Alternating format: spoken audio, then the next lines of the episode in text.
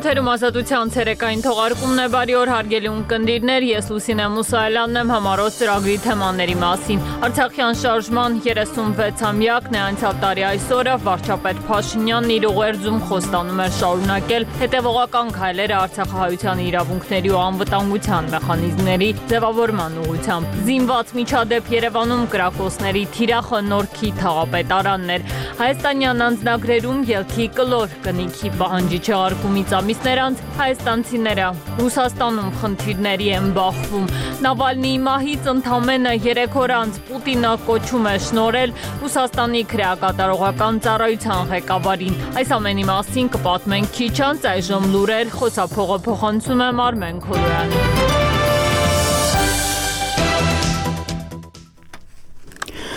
Արցախի նախագահ Սամվել Շահրամանյանը եւ ազգային ժողովի Նախագահի պաշտոնակատար Գագիկ Բադունցը Արցախյան շարժման 36-րդ տարեդարձի կապակցությամբ այսօր այլ պաշտոնյաների ինտերակցիությամբ այցելել են Եռաբլուր զինվորական Պանթեոն։ Շահրամանյանը լրագրողների հարցերին չի պատասխանել այս թեմայով ավելի մանրամասն անմիջապես լուրերի թողարկումից հետո։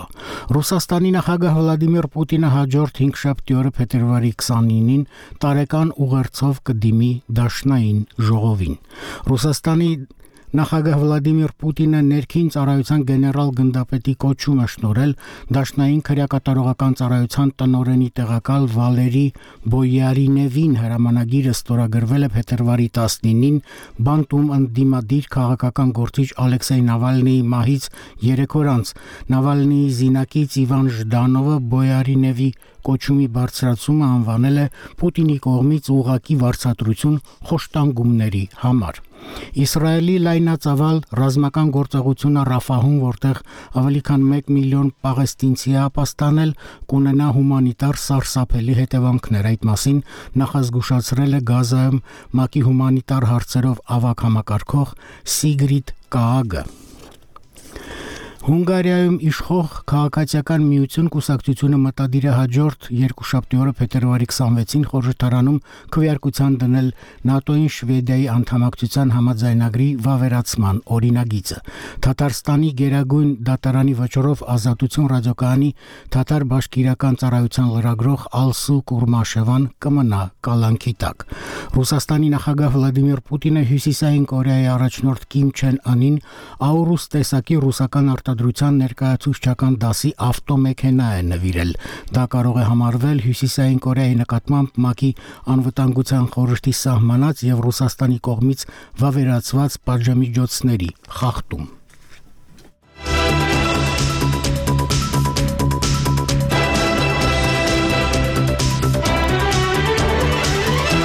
շնորհակալություն Արմեն, շարունակում ենք թողարկում այժմ ծրագրի թեմաներին դառնանք։ Այսօր Ղարաբաղյան շարժման 36-ամյակն է 1988 թվականի փետրվարի 20-ին Լեռնային Ղարաբաղի ինքնավար մարզի ժողովրդական падգամավորները դիմել են ադրբեջանական եւ հայկական ԽՍՀ-ներին, Գերագույն ԽՍՀ-ների Գերագույն խորհրդներին, խնդրանքով խորապես ըմբռնել Լեռնային Ղարաբաղի հայ բնակչության ձգտումները, լուծել Լեռնային Ղարաբաղի ինքնավար մարզը ադրբեջանական ԽՍՀ կազմից հայկական ԽՍՀ կազմ տեղափոխելու հարցը։ Նույն օրը չնայած խորհրդային միության կոշտ սահմանափակումներին, ի աջակցություն Արցախահայության Երևանում մեկնարկեցին բազմահազարանոց ցույցեր։ Ընթուք 1 տարի առաջ այս օրը Հայաստանի վարչապետն իր հատուկ ուղերձում հավաստիացնում էր շարունակելու են Արցախահայության իրավունքների անվտանգության պաշտպանության մեխանիզմների ձևավորման ուղղված հետևողական քայլերը։ Պաշտոնական Երևանը գոնե մինչ այս պահը հրապարակ Սակայն որևէ խոսք չի ասել պատմական օրվա մասին։ Արցախցի պաշտոնյաներն են այցելել Եռաբլուր,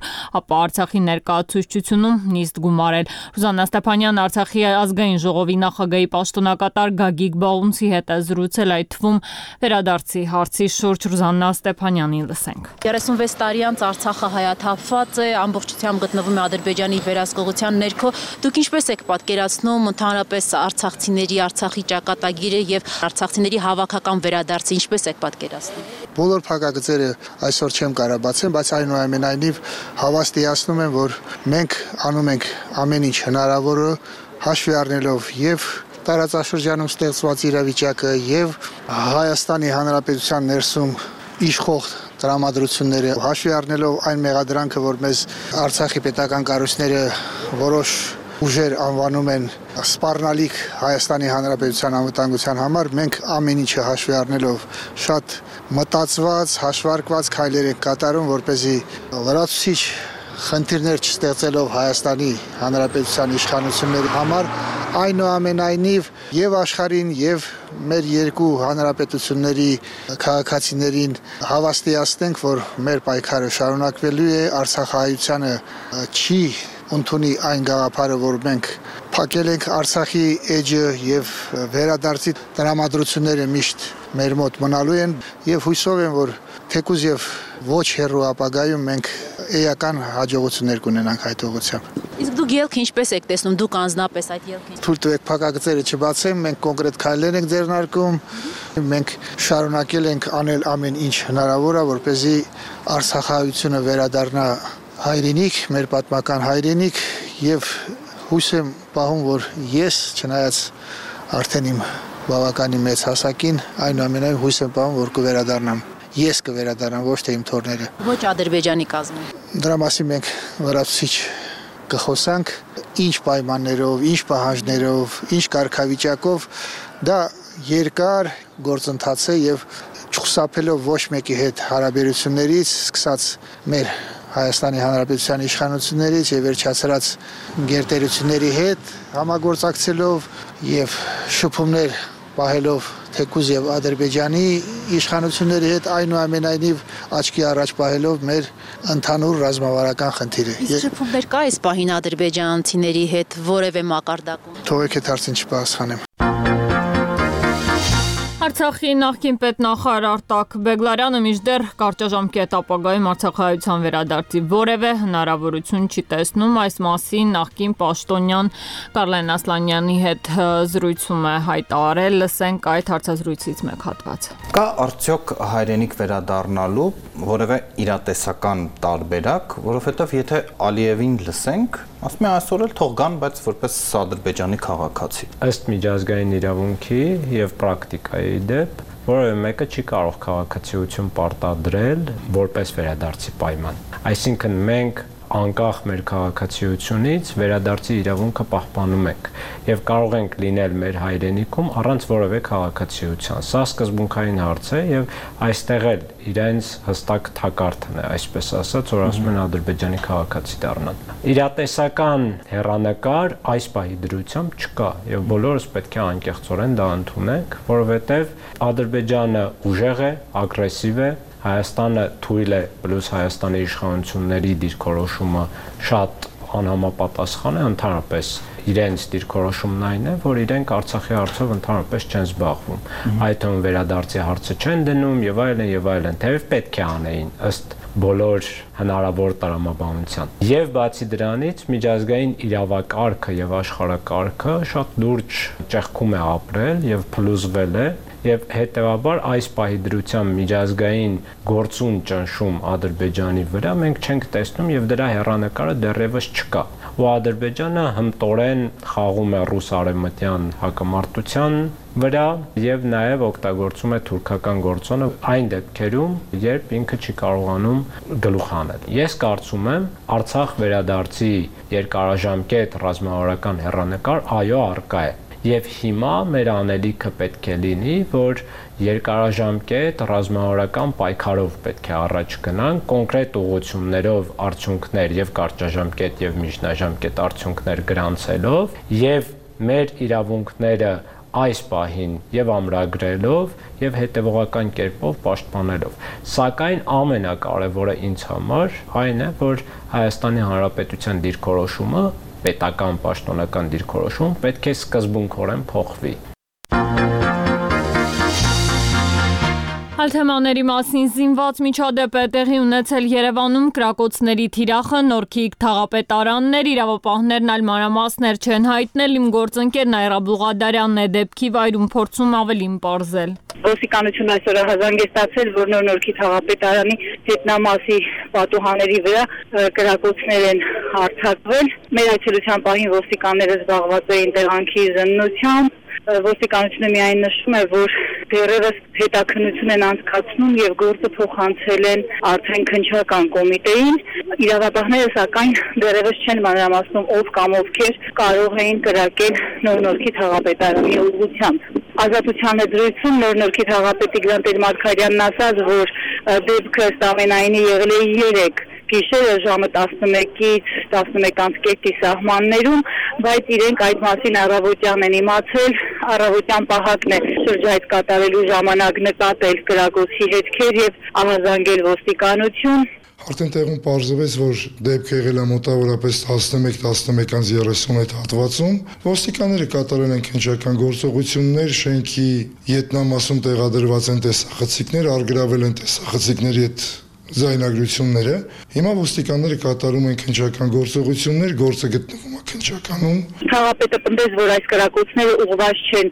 իրեն թաղապետարանին, որովհետև դա եղել է ոչ աշխատանքային ժամին եւ կարծիք հայտնեց, որ չի բացառվում, որ պարզապես երիտասարդներն են երեկոյան ինչ որ միջադեպի շրջանակում կրակոցներ արձակել, որն էլ կպել է թաղապետարանի պատուհաններին։ Ցուցակապես անձնական որևիցե բան չեմ տեսնում, նույնիսկ ասեմ, կարծում եմ, որ սա երիտասարդների արած ինչ որ չարաջաջություն է, որովհետև կրակվել է պնևմատիկ ատրճանակից։ Եթե ինչ որ մեկի վնասելու լինեին, չէին կրակի ժամը 11:30-ին, կկրակեին աշխատանքային ժամին։ Համենայն դեպս իրավապահները դեռևս որևէ մանրամաս չեն հայտնում, կատարվում է քննություն։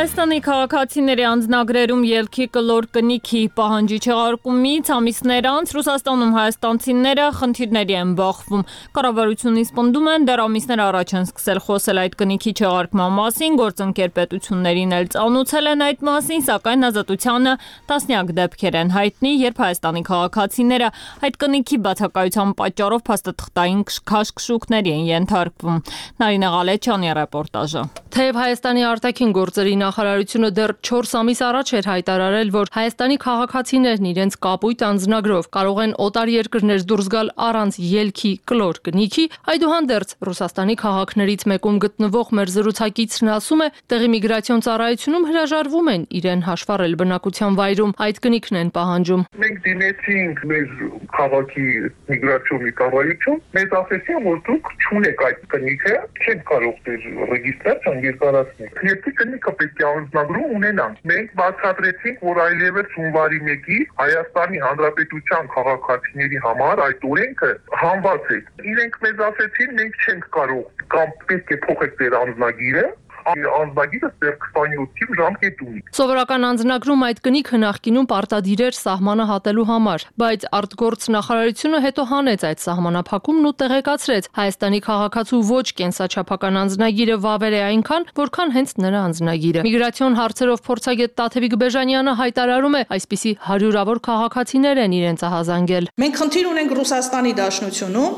միգրացիոն ծառայությունների աշխատակիցների հետ, որոնք հրաժարվում են միգրացիոն հաշվառման վերցնել կամ միգրացիոն հաշվառումը երկարացնել մեր աշխատանքային միգրանտներ կամ մեր միգրանտներ կամ ՀՀ քաղաքացիների, որոնք գտնվում են Ռուսաստանի Դաշնությունում, ում անձնագրում ըստ իրենց ելքի կամ այդ վավերականության կնիքի ժամկետը անցած է։ Քանի որ հունվարի 1-ից այլևս չեն կարող այդ մարտիկ երկարացնել այդ կնիքը, ստացվում է, որ իրենք Ռուսաստանի Դաշնությունում չեն կարողանում միգրացիոն հաշվառման կանգնել կամ հաշվառումը երկարացնել, ինչի արդյունքում իրենք դառնում են անօրինական։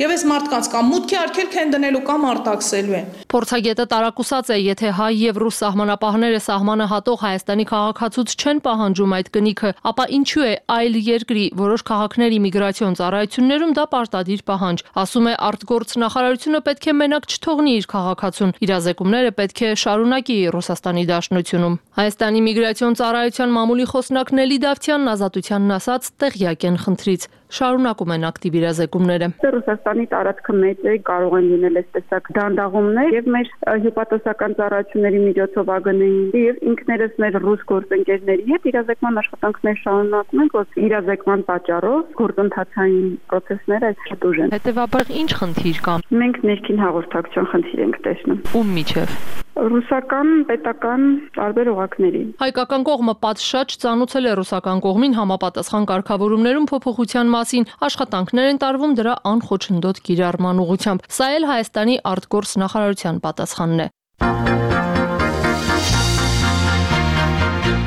Այժմ էլ միջազգային գլխավոր թեմային անդրադառնանք Ռուսաստանցի ընդդիմադիր առաջնորդ Ալեքսեյ Նավալնիի մահից ընդամենը 3 օր անց նախագահ Պուտինը նոր կոչում է շնորել ռուսաստանյան քրեակատարողական ծառայության ղեկավար Վալերի Բոյարինևին Նավալնու թիմակիցների գնահատմամբ սա ոչ այլ ինչ է, քան պարգև խոշտանգումների դիմաց։ Երկրի ամենացուրտ շրջանի բանտերից մեկում ազատազրկման դատապարտված Նավալնին ով պահվում էր աննախադեպ խիստ պայմաններում Ռուսաստանյան իշխանությունների պնդմամբ հանկարծամահ է եղել, ընտանիքը սակայն հայտարարում է, որ նրան սպանել են քաղաքական գործչի Դինար այսօր հարազատներին չի հանձնվել, Ազաբաբայանն է շարունակում։ Ռուսաստանի նախագահ Յուլիա Նավալնայի երեկվա ուղերձը չի տեսել այսօր ասել է Կրեմլի խոսնակ Դմիտրի Պեսկովը հավելելով. Այն պնդումները, թե նախագահ Պուտինը կարող է իբր առնչություն ունենալ Ալեքսեյ Նավալնիի սպանությանը, բացարձակապես անհիմն են։ Անձամբ Պուտինին ընդդիմադիր գործչի սպանության մեջ մեղադրում են թե Նավալնիի ընտանիքն ու թիմակիցները, թե